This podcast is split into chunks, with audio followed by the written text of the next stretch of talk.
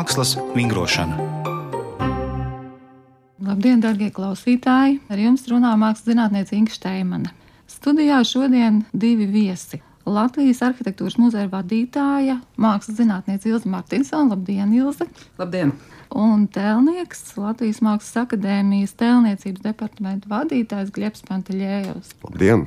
24. februārī mēs pamodāmies citā pasaulē. Dažu dienu laikā mēs bijām liecinieki, ka tas, kas notiek mūsu netālos kaimiņos, tepat Eiropā, kad viena valsts ir iebrukusi suverēnā citā valstī, tātad Krievija ir iebrukusi Ukrainā, kā tas ir mainījis pilnīgi visu. Un mēdīji ir pārpilni ne tikai ar šīm šausmīgajām ziņām un attēliem no kara, bet ir mainījusies politiskā retorika, kas līdz šim no rietumu politiķiem bija tāda, kas arī pēc Grūzijas kara un pēc Krīmas okupācijas publiski tomēr paturēja tādu normalitāti attiecībā ar Krieviju. Tad šajās dažās dienās Ukrainas karš mums parādīja, ka rietumu politika ir vienota, ka turpmākas attiecības ar Krieviju būs tikai ar noteikumu par Krievijas demokratizāciju. Šī situācija ir nojaukusi praktiski visus šķēršļus, diplomātiskos, labas gribas, kaimiņu attiecību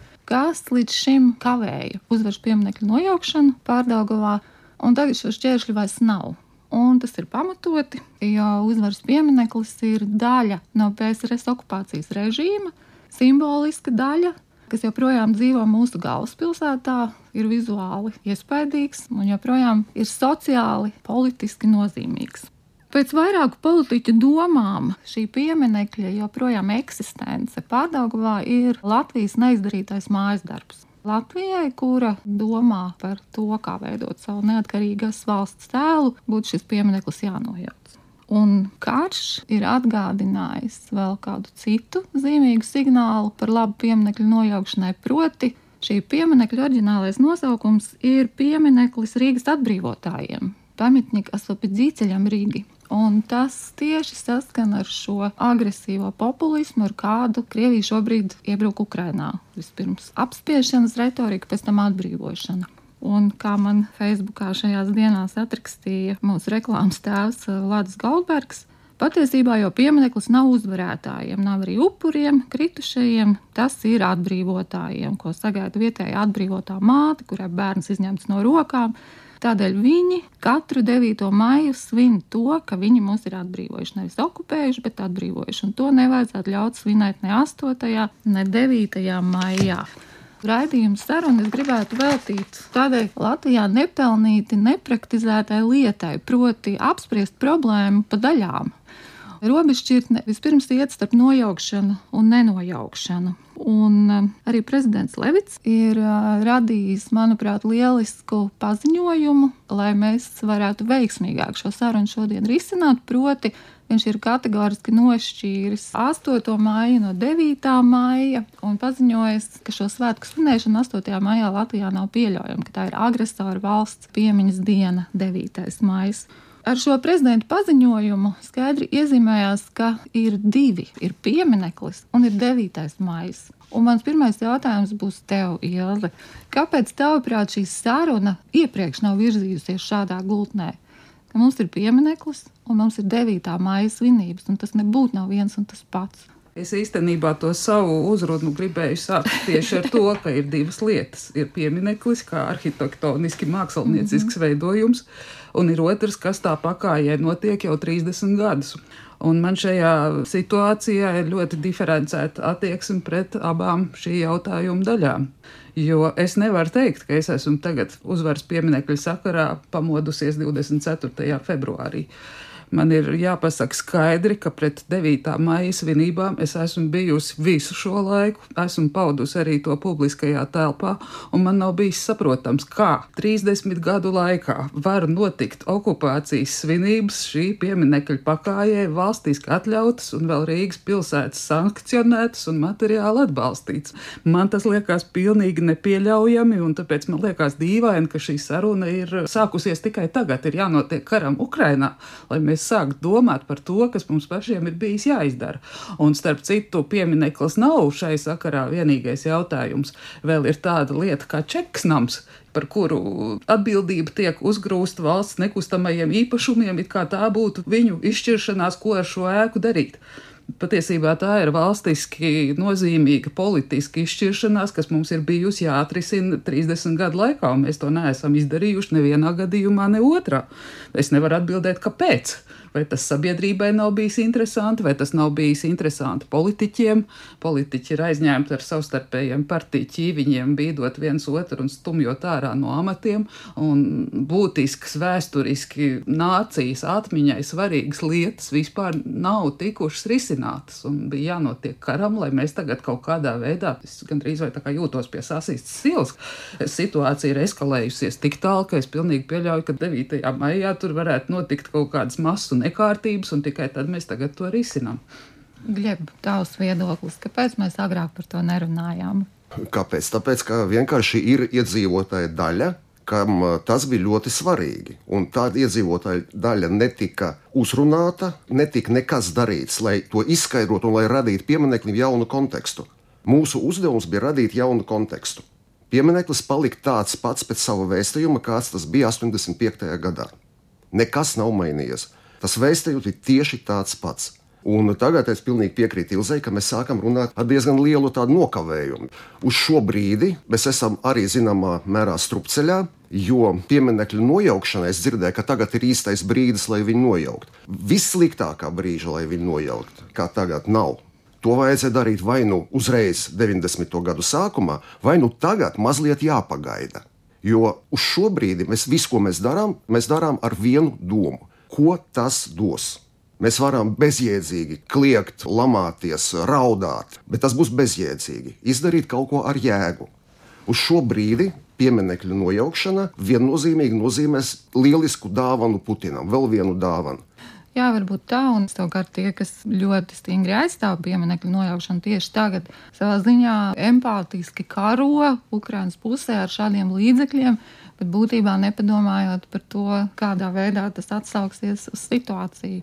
Bet atmetot arī šo kāra nekārtības iespējamību, pieļauju, ka to varētu risināt arī ar kārtības sargiem, ar striktām juridiskām atrunām, kas, paldies Dievam, šobrīd, pateicoties acīm redzot tam, ka mums ir prezidents, labs jurists, ir eh, nonākušas dienas kārtībā uz galda. Ja tieši šie juridiskie aspekti, kā risināt situāciju, Jūs abi jau pieskārāties šai būtiskajai lietai. Kam pieder šis piemineklis? Ne tādā īpašuma izpratnē, bet tieši kultūras izpratnē, kultūras mantojuma izpratnē, arī politiskā izpratnē. Tieši kā jūs abi minējāt, šis piemineklis bija atstāts pilnīgā novārtā visus šos 30 gadus ar tieši to saturu, kāds tas tika radīts 85. gadā ar propagandu, ar eh, tādu agresīvu sovietisku populismu. Un tāds viņš tur atradās, un mūsu politiķi vienīgo, ko varēja izdomāt, vai nu ignorēt šo pieminekli, vai nojaukt. Divi risinājumi. Un nekāds cits variants netika piedāvāts, un savukārt vienīgie, kas šo pieminekli lietoja, ir prokremliska vai tuvu tai stāvoša vai ar prokremliskiem stāvļiem spekulējoša politika, kura pulcēja citu elektorātu vai krieviski runājošu elektorātu zem šī pieminekļa. Visticamāk, ne visi no šiem cilvēkiem, kas svinēja šos svētkus, arī atbalstīja kaut kādu agresīvu Kremļa politiku, bet tas bija konkrēts piedāvājums konkrētam elektorātam. Vai mēs redzam veidu, kā politika rietumnieciskā Latvijas neatkarības politika varētu pārņemt šo pieminiektu savā aktīvā, savā lietošanā. Ilza. Es īstenībā gribētu sākt ar to nojaukšanas ideju kā tādu. Man liekas, ka tāda vispār graušana un nojaukšana kaut kādā veidā pieder pagātnē un vispār pirmotnējai kultūrai.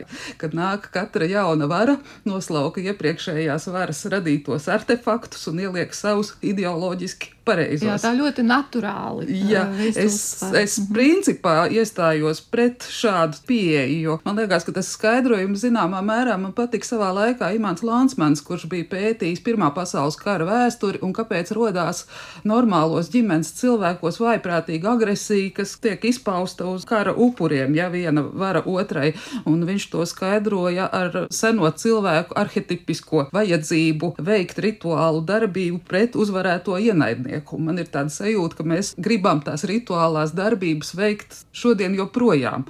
Un man liekas, ka tā pieeja pieder pagātnē, ka mums vajadzētu rīkoties kā civilizētai sabiedrībai. Un es jau arī diezgan sen esmu šo savu domu izteikusi, un īstenībā savā veidā tā ir šobrīd piepildījusies, jo ziņas nāk nepārtraukti jaunas pieminekļa sakarā, ka Google Map kartē jau piemineklis ir ieguvis citu nosaukumu, kā Latvijas okupantu piemineklis.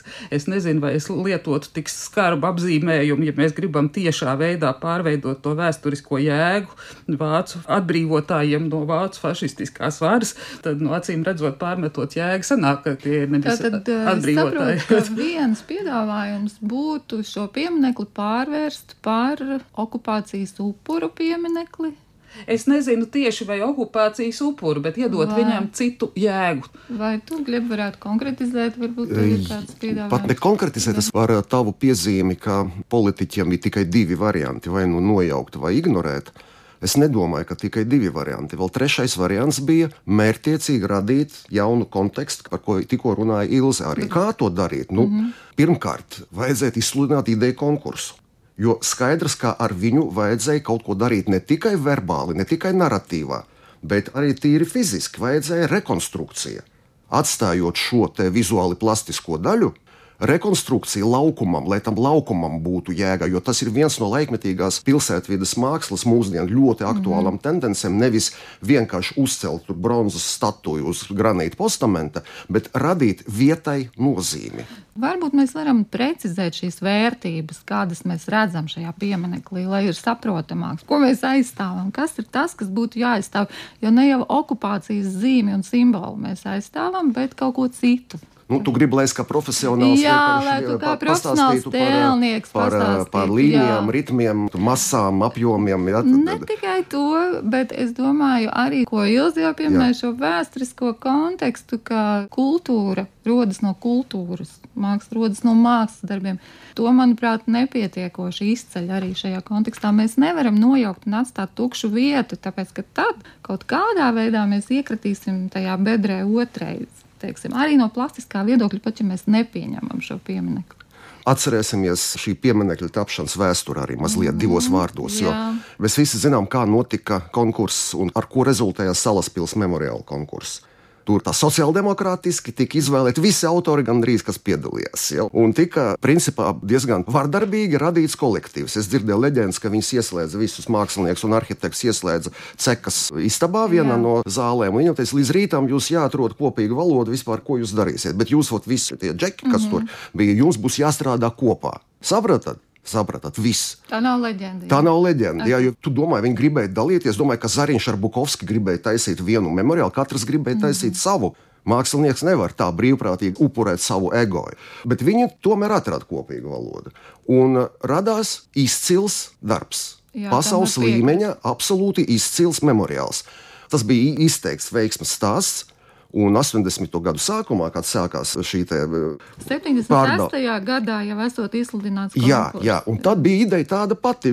Atkārtosim to pašu. Mm -hmm. Mēs tagad paņemsim tās labākās idejas, kas tur ir, un liksim mm -hmm. strādāt kopā. Un pirmā vieta bija Arvīdam Drīzulim, starp citu, mūsu bijušajam anatomijas pasniedzējam akadēmijā, diemžēl nelaiķa. Ja, viņam eh, nedēļa tiesības realizēt. Savāc atkal komandu, komandai lika, es nezinu, slēdz viņas cekas istabā iekšā un atstāja pa nakti vai nē, bet viņam lika atrast kopīgu valodu. Un tāpēc viņš ir tik dīvains stilistiski, ja? jo tur ir ļoti dažādi mākslinieki. Aivaru Gulbi, likt Aivaram Gulbim strādāt kopā ar Bukovski, nu, tas ir tāds sadisms vispār. I vienam, i otram. Es atceros, Bukovskis bija manas mammas draudzenes onkuls, ja? un mm. tā laikā es vēl tāds pusaudzis, var teikt, ja? es biju pie viņa darbnīcā.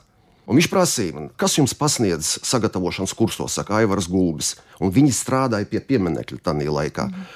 Un viņš tā saviebies, saka, nu, viņš, nu, Aivars ir dekoratīvists, viņš ir dekoratīvists tādā absolūti nicinoša intonācijā. Mm. Tagad es saprotu, kā viņi varēja vienā kolektīvā darboties ar tādu nicinājumu. Ja? Un radās šitais hibrīda memoriāls. Tātad trīs no plastiskā viedokļa. Pilnīgi. Un ļoti, un šajā ziņā viņš ir ļoti neveiksmīgs. Ja? Un, Mm. ja personīgi es tur saskatu, protams, veiksmes pazīmes tādā kolonnā, obeliskā, tīri no dizaina viedokļa. Ja? Kaut tā ideja ir ļoti banāla īstenībā. Nu, ļoti, jā. Bet tur vismaz nu, viņi tā kā dizaina, nezinu, tādu vāzi var uztvert, ja? kur Mhm, puķi iespraust, ja? tādu bišķiņu, padomu modernismu. Jā, garā. tādu sauso ziedu kādu. jā, jā, jā. Un Aivara Gulbja sievietes figūra tika izčakarēta.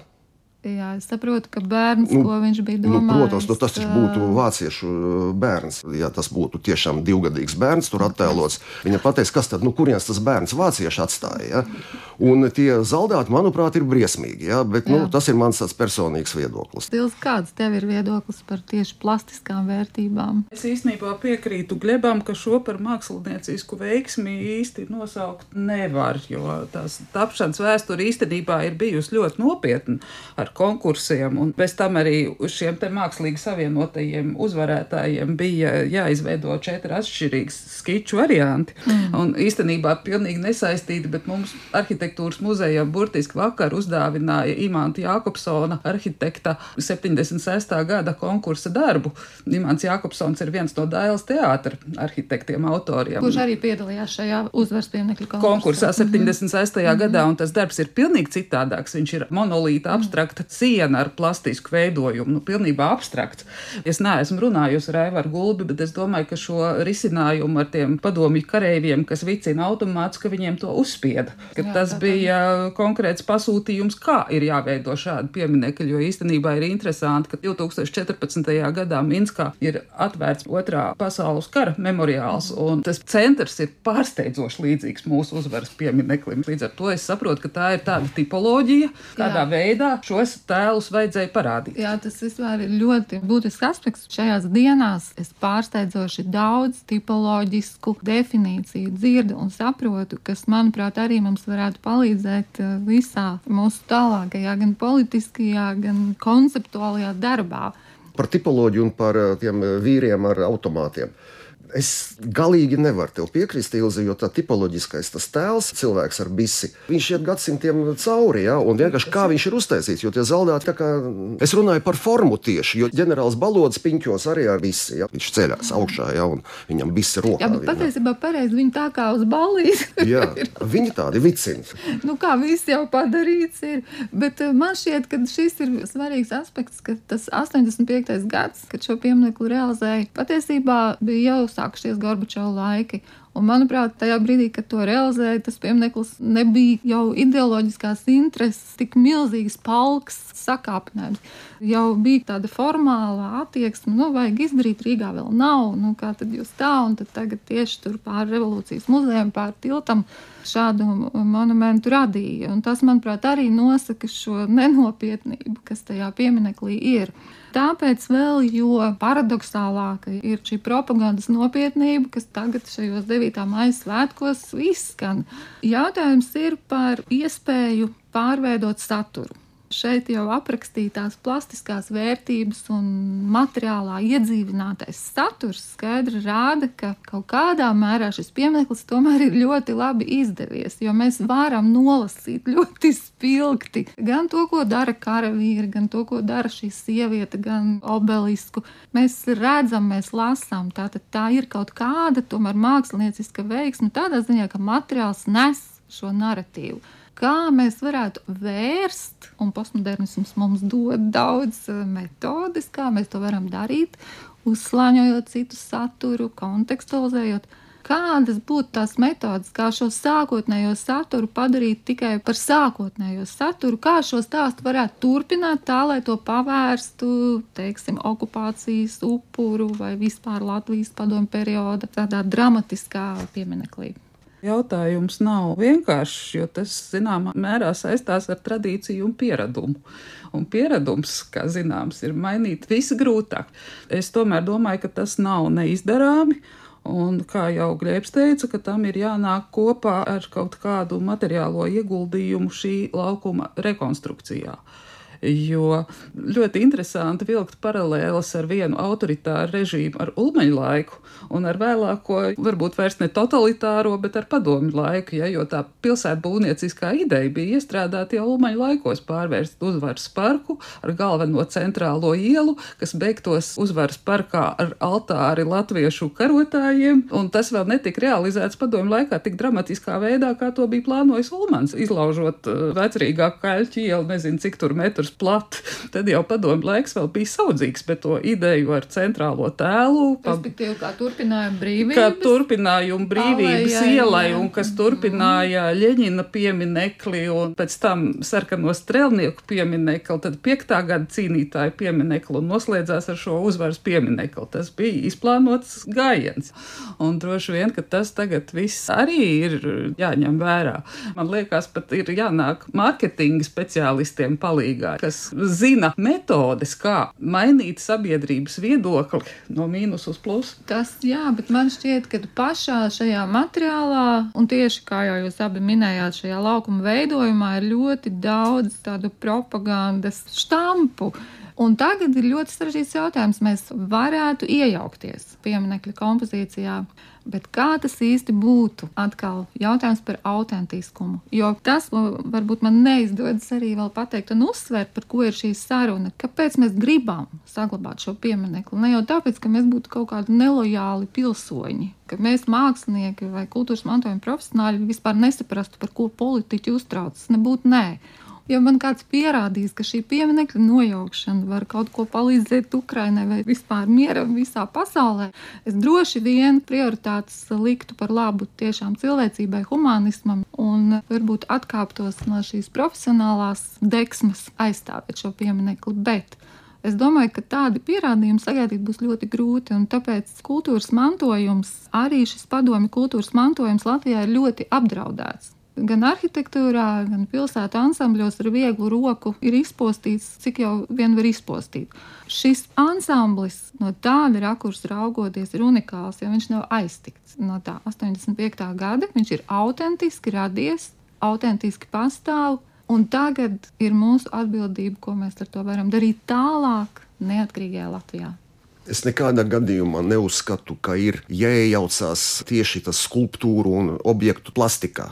Nevajag nozāģēt teiksim, automātam stobri jā, vai pārkrāsot ķiveres. zaudētiem. bērnu. Bērnu ieli, iedot beidzot, kurš ir izaudzis, varbūt tur jau nevis bērns, bet tur jau veci vajag blakus tai sievietei. Jā. Ne par to ir runa. Man nav risinājuma gatava. Es saprotu, ka materiālā iejaukšanās ir nepieciešama. Man nav risinājuma. Es vēl par to neesmu domājis, godīgi sakot. Es tagad sākšu. Nu, bet kā mākslinieks, tīri konceptuāli. Varbūt par piemēriem. Ja ir viens piemērs izcils, kā ceļa posmam, šosejai, tika radīta nozīme. Un tas ir netālu no Palermo, tā sarkanā asiņainā jūdze, tā saucamā, kur 70. gados mafija uzspridzināja tiesnesi Falkone. Un tā šoseja tajā vietā ir sarkana. Tu vienkārši brauc un uzbrauc sarkanajai šosejai.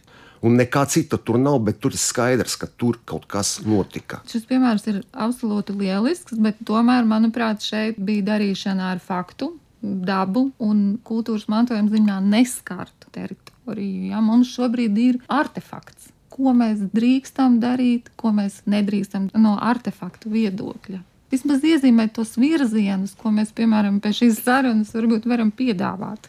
Šis te kodols nedrīkst tikt mainīts, viņam jāpaliek tādam, kā viņš ir. Pārējais ir tas, ko mēs darām tālāk apkārt, kā mēs iezīmējam šo vietu, kādu kontekstu mēs iedodam.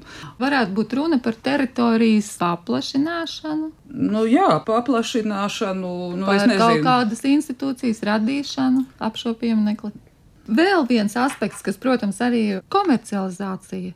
Šajā gadījumā, manuprāt, ļoti veiksmīgs risinājums, kāpēc šo pieminiektu nepārvērst par komerciālu publisko telpu. Mums varbūt skaidri jānodefinē, ko mēs gribam. Es personīgi gribētu šo pieminiektu redzēt kā muzejisko vērtību. Tas nozīmē, to, ka nozīme no kulta objekta mainās uz muzejisko vērtību. Kāpēc muzejos var būt vienā zālē persiešu zāle un otrā zāle ir grieķu? Daudz kas bijis starp viņiem. Varbūt ne gluži tas korekts piemērs, ja, bet tur var būt vēl cits apjoms, kurā varētu būt, es nezinu, okupācijas muzeja filiāle. Jā, bet tas, ap citu, man arī radās kā viens no piemēriem. Varbūt mēs varam vispār iebūvēt telpā šo pieminekli, lai viņš mazāk strādā uz pilsētvidi un uz laikmatīgajiem politiskajiem, sociālajiem faktoriem, viņš strādā uz to, ko mēs šeit visi gribam, uz kultūras mantojumu. Kā jūs uz tādu lietu skatāties? Nu, zini, tas obelisks, lai viņi iekļautu, tas būs kaut kas līdzīgs padomju pilī, ko Maskavā taisies būvēt, tur simtmetrīgu kaut kādus Leņķina skulptūru. Bet... Noslēpt viņi nevarēs, jo tam jābūt megā kaut kādai, tas vēl trakāk būs pa gabalu, tas izskatīsies no Rīgas vēl... centra, no Vecrīgas. Man tikko starp citu piemērs Olga Mērija piedalījās vienā Rīgas konkursā 13. Mm -hmm. janvārī Bulvāra ielā. Un viņa vizualizācijā taisīja bildes. Un viņa atbrauc mājās, viņa saka, zini, pirms tam es nekad to nebiju tā uztverusi, bet tagad, pēc 24. februāra, kad šis obelisks trāp man kadrā, viņš mm. man krīt uz nerviem. Agrāk es tam nepievērstu uzmanību vispār. Bet tā būtu jauna un... arhitektoniska būva laikmatīga arhitektūra. Par komercializāciju šis vārds varbūt skan griezīgi, bet, piemēram, mēs daudz runājam un strīdamies tad, kad būvē lielveikals un padara no publiskas telpas par komerciālu telpu veselu ielu Rīgā.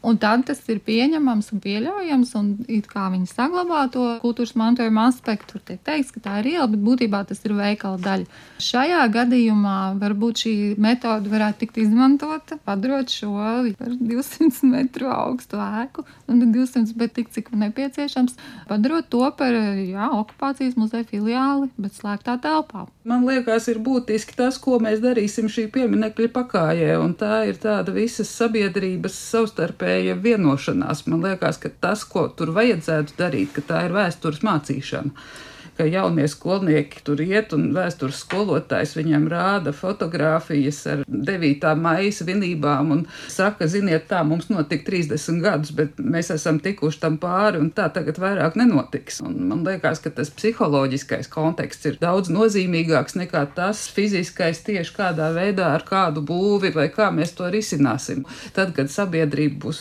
vienojusies, ir vis visādi varianti, tad jārīko konkursi, kā to apdzīvot, bet mums vispirms ir jā jātiek pie tā, ka mēs gribam to darīt. Tas, ko es sākumā jau teicu par čekas māju, ka es nevaru saprast, ka vispār netiek šāds jautājums risināts. Ko sabiedrība tur grib? Vai tas nav sastarpēji saistīts? Tu, piemēram, runā no tādām pozīcijām, it kā tā vienošanās būtu iespējama, bet 30 gadi rāda, ka viņa nav iespējama. Tā tad ir kaut kādi arī politiski šķēršļi. Jā, nu, būtiski. Dro, droši vien, ka tas ir politisks un, lēmums. Vakar vai šodien mēs nevaram atrisināt. Premjerministrs Kariņš pēc 30 gadiem ir ir paziņojis, ka 9. maija okupācijas svinības ir nepieļaujamas pēc 30 gadiem, bet šis solis ir spērts. Nu, tad politiķiem ir jāspēr nu, nākošie soļi. Man liekas, ka šī pieminiekļa kulta nozīme zudīs, ja Krievija zaudēs šajā karā. Tas ir likumsakarīgi, jo pašreiz tas tiek uzturēts ar to uzpūstu Krievijas varenību. Tie cilvēki, kas tur ir, ir pārliecināti, ka aiz viņiem stāv milzis, kas viņus nosargā. Un tad tu iedomājies, ka Krievija ir zaudējusi karu. Viņa atrodas tādā nu, iedzīta akmens laikmeta kaut kādā stadijā, mm -hmm. izolēta un bez ietekmes. Ja nebūs Krievijas ietekmes, nebūs arī kulta nozīme šim objektam. Viņš pārvērtīsies es, par muzeju. Es pilnībā piekrītu, bet es tomēr redzu problēmu šajā nostājā. Šis ir pārnest atbildību kaut kādā citā virzienā. Vai nu pārnest atbildību, nu, politiķiem jārisina. Un šis ir pārnest atbildību uz Krievijas zaudējumu Ukraiņas karā, Es tomēr šajā sarunā domāju, ka būtu interesanti meklēt tos risinājumus, ko mēs varam bez Krievijas, bez Ukrainas un bez tādiem pieļāvumiem, ko darīs vai ko nedarīs sabiedrība vienā vai otrā situācijā. Bez tādas vēlmju domāšanas, manuprāt, tas, kas pietrūkst politikā, kultūra politikā, ir kaut kādas pragmatiskas struktūras, kas ļautu kaut kā atrisināt, uzstādīt skaidru uzdevumu. Tātad uzdevums numur viens juridiskās konsekvences. Nesvinām tur to 9. māju. Un to vienu lietu izdarīt tā, lai patiešām tas strādātu. Nojauksim pieminekli. 9. maiju var svinēt kaut kādā tukšā pļavā. Tieši tā. Tajā pašā vietā vai kādā citā vietā. Arī tas ir par labu tam, ka nav jēga šo pieminekli nojaukt, lai risinātu šo 9. maija problēmu. Tā ir vienkārši atbildības pārnešana. Tātad šī atbildība ir jārisina valstī likumiskā, tiesiskā ietvarā. Un, manuprāt, pirmo reizi ir parādījies šis paziņojums, ka tas tikšot darīts. Un nākošais, kas manuprāt arī prasa tiesisko ietvaru, ir pieņemt lēmumu par šī pieminekļa mantojuma identitāti. Un tikai mantojuma identitāte, kas loģiski paredz to, ka šī pieminekļa pakājē nevar norisināties kaut kādas tur laikmatīgas, aktuālas, provokatīvas politiskas darbības, piemēram konsekventi nesaskaņot šos pasākumus un tādā veidā virzīties soli pa solim uz priekšu, tad jau droši vien mēs tiktu arī līdz tam vizuālajam veidolam, ko tad ar to pieminiektu darīt tas labākais, ko mēs ar savu šo provokatīvo runāšanu un aizstāvību šim piemineklim varam darīt, ir rosināt šīs sarunas. Nu, drosme laikam šajā brīdī vairs nav vajadzīga. Tagad mm -hmm. viss mhm. jau ir drosmīgi, bet es novēlētu būt pragmatiskiem un nespēlēt uz tuvīnajām vēlēšanām, uz tautas balsi, kas tagad uz vilni nesīsies, ka to vajag nojaukt politiķiem būt saprātīgiem, godprātīgiem pret nākotni un pret savu politiķa misiju. Pilnīgi piekrītu Ilzai. Varu papildināt, ka politiķiem jāprot rēķināt lietderības koeficients. Ja, viss, ko mēs darām tagad, ir vai nu konstruktīvs, vai nu nekāds. Jāsaprot, lai tas būtu konstruktīvi, lai mēs sasniegtu mērķi. Nevis vienkārši paustu viedokli un nedod Dievs vēl histērijā nokļūtu. Sirsnīgs paldies par sarunu. Šodien studijā bija Ilza Martinsone, Latvijas arhitektūras muzeja vadītāja, mākslas zinātniece un tēlnieks Latvijas Mākslas akadēmijas tēlniecības nodaļas vadītājs Gļebs Panteļējevs. Radījumu vadīja mākslas zinātniece Inga Šteimane, producente Ieva Zeidmane. Raidījums tapis ar valsts kultūra kapitāla fonda atbalstu.